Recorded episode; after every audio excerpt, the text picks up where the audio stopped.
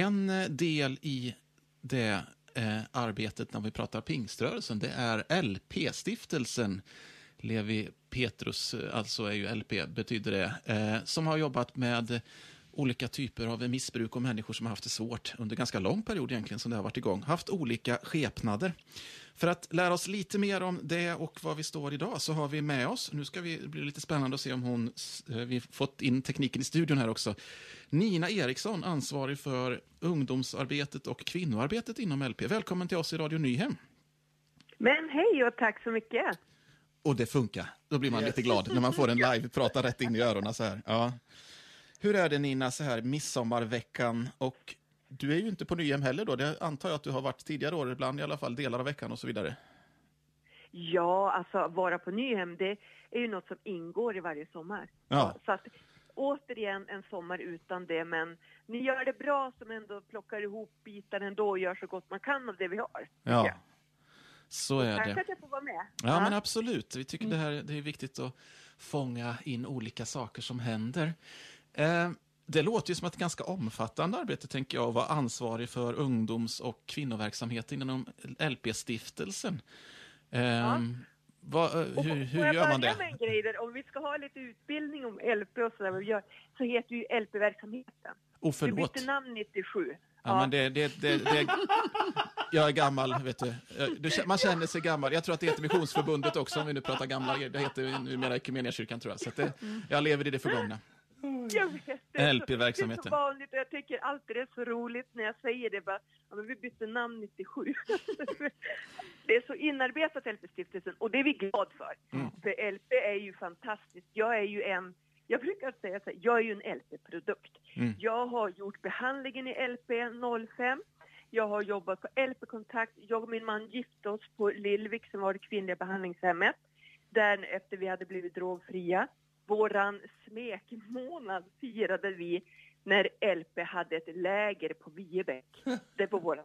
Så, och så sen så jobbar vi både LP har gjort i alla år och nu är jag då ansvarig för några områden som jag brinner för. Så ja, det, LP betyder mycket. Ja, men det, det, förstår vi då när man hör den berättelsen i korta drag. Där. Ja. Ja. Eh, jättespännande. Alltså, vad, om man börjar i den lite större bilden, vad, vad gör LP-verksamheten idag? Eh, jag tror att man kan ha lite olika bilder av, av vad det har varit och är, men vad är LP-verksamheten idag om man har någon, liksom, några korta drag att beskriva vad LP står för och verkar idag? Ja, alltså LP det är ju så här, vi har verkligen vårt arbete med hjärtan, som så många andra rörelser i, ping, i pingst har, så att det, det är liksom så. Men att just idag så har ju vi fortfarande sådana här klassiska LP-kontakter runt om i landet. Vi har ju över 75 platser där vi i olika former möter upp människor med ja, med de behov som man har. kan vara olika. Och då kan det även vara stödboende till att man får fika varje dag, till att man kanske får eh, komma till något av våra behandlingshem. Så. Men eh, det vi känner idag och det vi har ändrat från att vi har gått från att någonstans kanske, vi vill inte vara en värmestuga bara längre utan vi vill ju mer och vi har ju haft så många behandlingshem men allt har ju förändrats i Sverige men vi finns ju fortfarande kvar med behandling. Så att jag som jobbar med ungdomar, vi har ju satsat mycket också på något som vi kallar för LP Grow där ungdomarna får växa vidare. Men, men jag får, får stanna, band, stanna där lite ja. Nina. Jag tänker, jag kanske, det är väl jag då som är gammal och fördomsfull, men när vi pratar ja. missbruksvård på kristen grund, för det är ju det någonstans som ja. man jobbar med.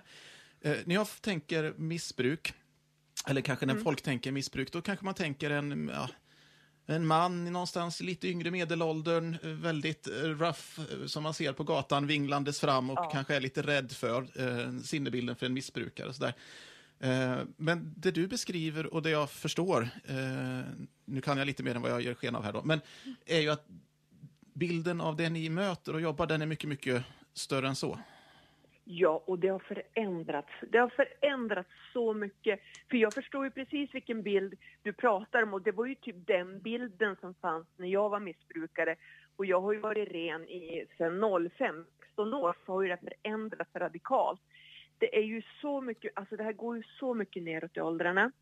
Och det har ju oftast varit att det är killarna man ser. Det är männen som man ser och det är de som kommer i behandling. Men till exempel när jag och min man flyttade hem till Skellefteå igen och jobbade där i fem år så var vi nästan chockade över att se att det var ju så många mer unga tjejer som kom och sökte hjälp och var så trasiga. Och hur det här går ner i åldrarna. Jag brukar säga det att skulle jag börja med missbruka så skulle jag knappt ens veta hur man gör. Allt har förändrats. Knarklangarna är ju, går ju inte till en park och letar längre. Du knappar hem från nätet. Du vet inte var du får. Du vet egentligen inte vad det är för det pumpas ut nya droger och det kommer från någon fabrik någonstans på den tiden när jag höll på att missbruka så visste jag att ja, men om jag köpte av Bersa, ja men då kanske jag gick dit och slog honom på käften mm. om det var dåliga grejer. Mm. Men det här är som utsuddats nu. Så, och det är så lättillgängligt och jag tycker också att vi går mot någon liberalisering. Det går ju att se bara på Netflix hur allt liksom är så okej okay, bara med röka med, med cannabis och det. Mm. Att det liksom börjar bli mer och mer ja, men liksom normalisering som pågår som jag inte tycker är okej. Okay. Mm. Och så sen har vi ju även att vi har medicinering i Sverige mm. med Subutex och Metadon som verkligen har eh, blivit liksom no, något som SOS säger är lösningen. Eller att det här är det vi kör mm. på. Smärtstillande. Mm. Men jag ja. tänker på. Den, de här, den här något fördomsfulla bilden jag målar upp då. Eh, alltså vad gör, jag, jag tror inte att jag är ensam att tänka så, för som sagt, det är väl den där vingmuttern som vandrar fram på gatan som är alkoholiserad som man tänker på. Men hur påverkar våra fördomar möjligheterna? Du pratar ungdomar, du pratar kvinnor. Mm. Eh, hur, hur, påverkar våra fördomar möjligheten att möta dem? Eller, och deras kanske då vilja eller förmåga att få hjälp? Eh, kanske dåligt formulerad fråga, men förstår du vad jag letar ja. efter? Jag kan direkt säga två spår av det här om vi pratar om klassiska fördomarna. Det är att människor med problem kommer alltid, om du inte är en av de här som sitter på parkbänken så tänker man, ja men det är ju inte så där i alla fall. Utan du vet, fast så många har parkbänken hemma. Där har du en grej till att det blir svårare ibland att nå människor. Du vet, det kan ju vara mer kaos med de som håller fasaden. För att de som ändå är på parkbänken är ju rätt öppen och liksom det här är mitt liv. Mm. Så. så. Och så sen har vi en annan sak. Kvinnor i missbruk hålls ju tillbaka otroligt mycket av skammen. För jag ska ge er en tankenöt. För om man tänker så här, man ser ett gäng som hänger runt så där vid busskuren eller vid någon bänk som man har i alla städer. Man ser dem och man ser att de där är fulla. Men så ser man hon där, just det hon som du kommer ihåg att ni kanske gick parallellklass för 15 år sedan och att du vet att hon har tre barn. Och då kanske man tänker sig, men alltså att hon, ja, att hon, hon har ju ändå tre barn. Mm. Varför att hon inte skärper sig? Så tänker vi aldrig om männen. Mm. Redan här, och det här är ju så här, du vet att du ska aldrig tro att en kvinna någonsin, någonsin i missbruket glömmer sina barn. Det gör mm. de aldrig barnen. Och redan här så är det också för kvinnor, det är svårare att söka hjälp.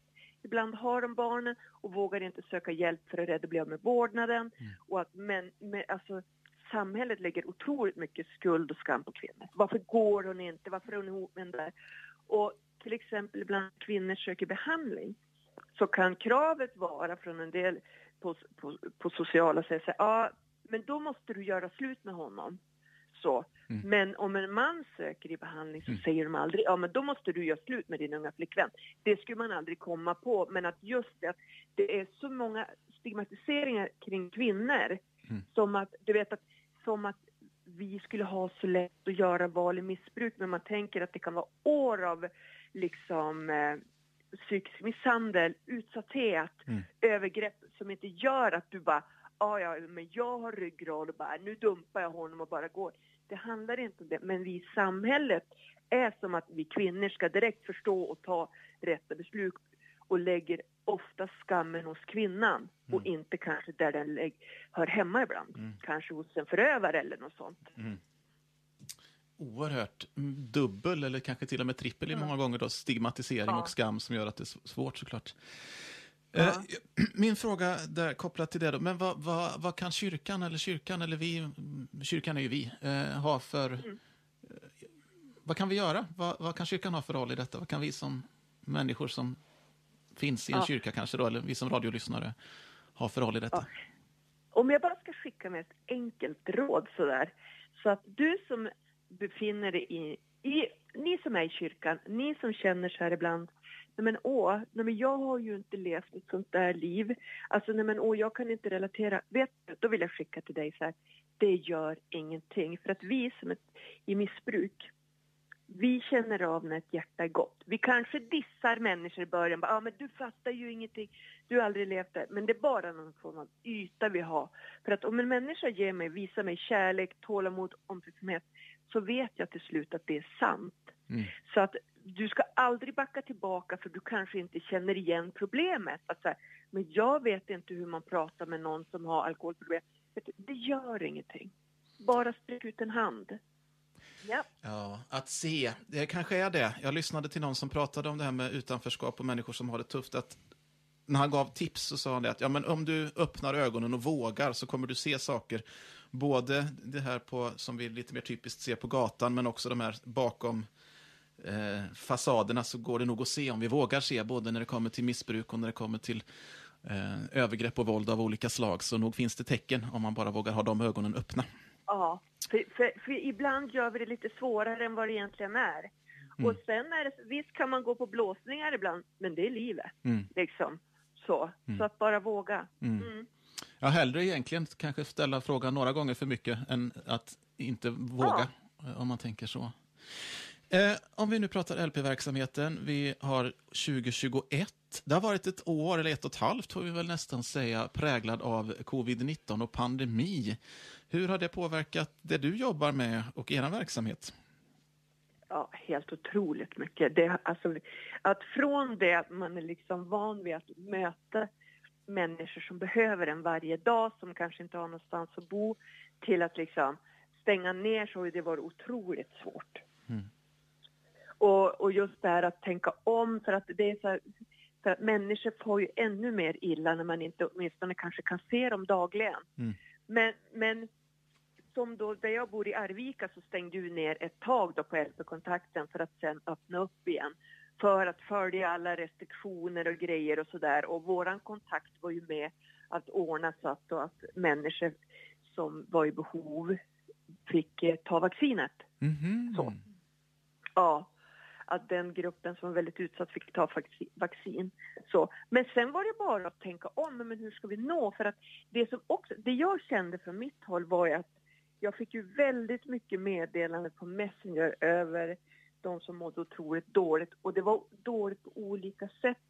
Någon som försökt ta livet av sig, någon som blev utsatt för våldtäkt och någon som mådde bara, psyk bara psykiskt dåligt, mm. nu menar jag inte bara, mm. men alltså mm. du vet, ja, mm. att det liksom var så mycket olika med så mycket olika ångest och det var svårt att veta sig vart ska man hjälpa och hur kan man hjälpa. Men eh, nu har vi känt att nu har vi börjat få ordning så nu börjar vi öppna upp så att nu håller vi på att vi ska starta upp en LP Grow-kontakt i Stockholm för ungdomar mm. och eh, vi håller på i Arvika då för ungdomar och så. Och så sen så något som jag är jätteglad att berätta att vi öppnar upp ett nytt kvinnligt behandlingshem igen på, på Viebäck så. För vi hade ju det, men la ju ner det om det var 2014. Men nu mm. öppnar vi upp igen. Mm. Så att vi verkligen kan hjälpa kvinnor som har behov av det. Ja, men det måste finnas ett jättestort behov där och mm. jättemycket ja, behov och så. Ja, jag förstår det. Ja. Hur, hur, svårt att formulera sig, men det finns ju också positiva delar just i man har um, kanske hittat möjligheter. du pratade lite, eh, har, har, du några goda exempel? Vi försöker lyfta det. Några, några, goda exempel på hur man har kunnat ställa om i en tid som denna då, som en eh, LP-kontakt eller en verksamhet under tiden pandemin har varit här? Ja, alltså som vi då tänkte så här, för att i och med att det inte var några konferenser eller någonting så blev det för oss då, om jag tar ungdomsdelen, att hur ska vi nå våra ungdomar? Mm. Så då började vi knyta upp kontakt så att vi skickar väldigt mycket sommarpaket, julklappar, kört live och sånt där och skickat, du vet, så, så att man kan skicka en godispåse till alla. Så, ja, men vi ses ikväll och så käkar vi en godispåse och pratar ihop så sitter man på en live så, så att man får någon känsla av tillhörighet mm. och gemenskap. Mm. Men jag måste ju säga att jag, som alla andra tänker jag, att jag ser ju så fram emot att det börjar öppna upp igen så man kan börja åka runt och möta människor och, och öppna fler stödboenden och sånt där. Och Mm. kunna ja, släcka bränder också från Mm. det som har varit. Mm.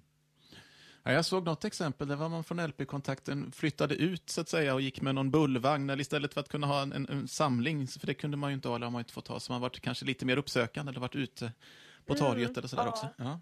Det är ju Ja. fantasin som sätter gränsen att kunna möta människor, ehm, tänker jag. Ja, men, ja, så är det ju. Mm.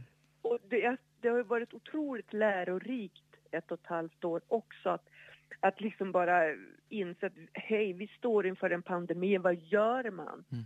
Jag trodde liksom inte att den dagen man skulle hamna i sånt här läge, att mitt sätt att rädda världen skulle vara att sitta i mysbyxor hemma och kolla Netflix. Mm. Det var inte så jag trodde. Men här har vi varit liksom ändå så att ja, men man måste hålla sig hemma. Mm. Fast man tänker på att man vill ut och hjälpa människor och möta dem, så har man ju liksom inte för man kan ju lika gärna smitta någon. Så att det har ju varit otroligt lärorikt. Och, och, och jag tänker också att många människor, visst ibland har man ju haft dippar och tyckt att allt varit jättejobbigt, men också en resa inåt. Att vad är viktigt för mig? Mm. Vad vill jag göra framåt?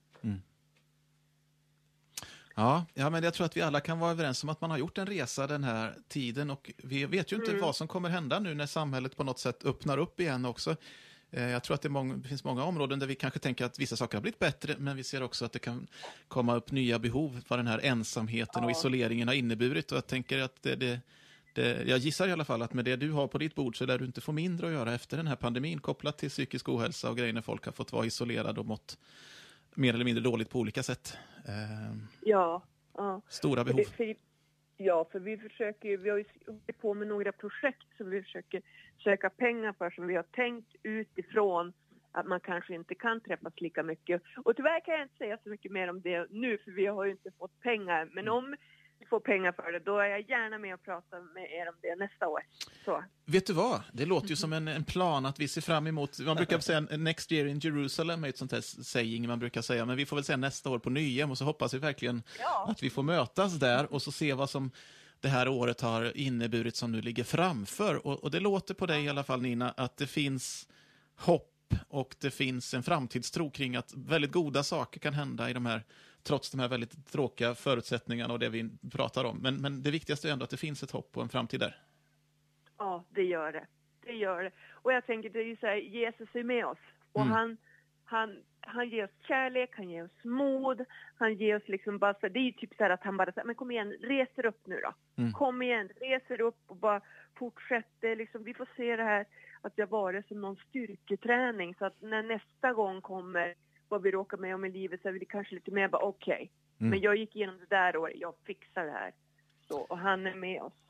Res dig upp och fortsätt. Det låter som ett bra eh, slutord från dig Nina och ett eh, ord från att Jesus säger det till oss alla och oss som kyrkor. Eh, ha en riktigt skön sommar. Jag hoppas att det också kan innebära lite Tack. ledighet och lite normalt sådär att man får ladda batterierna för en ny termin och ett nytt verksamhetsår, så som, eller ett nytt år som kommer här Ja. framåt. Och så hörs vi och ses vi förhoppningsvis på, på Nyhem, annars får vi väl ta en telefonare om ett år igen här. Ja men precis, ha det så gott Ja, det är allihopa. gott du. Hej, tack. Tack.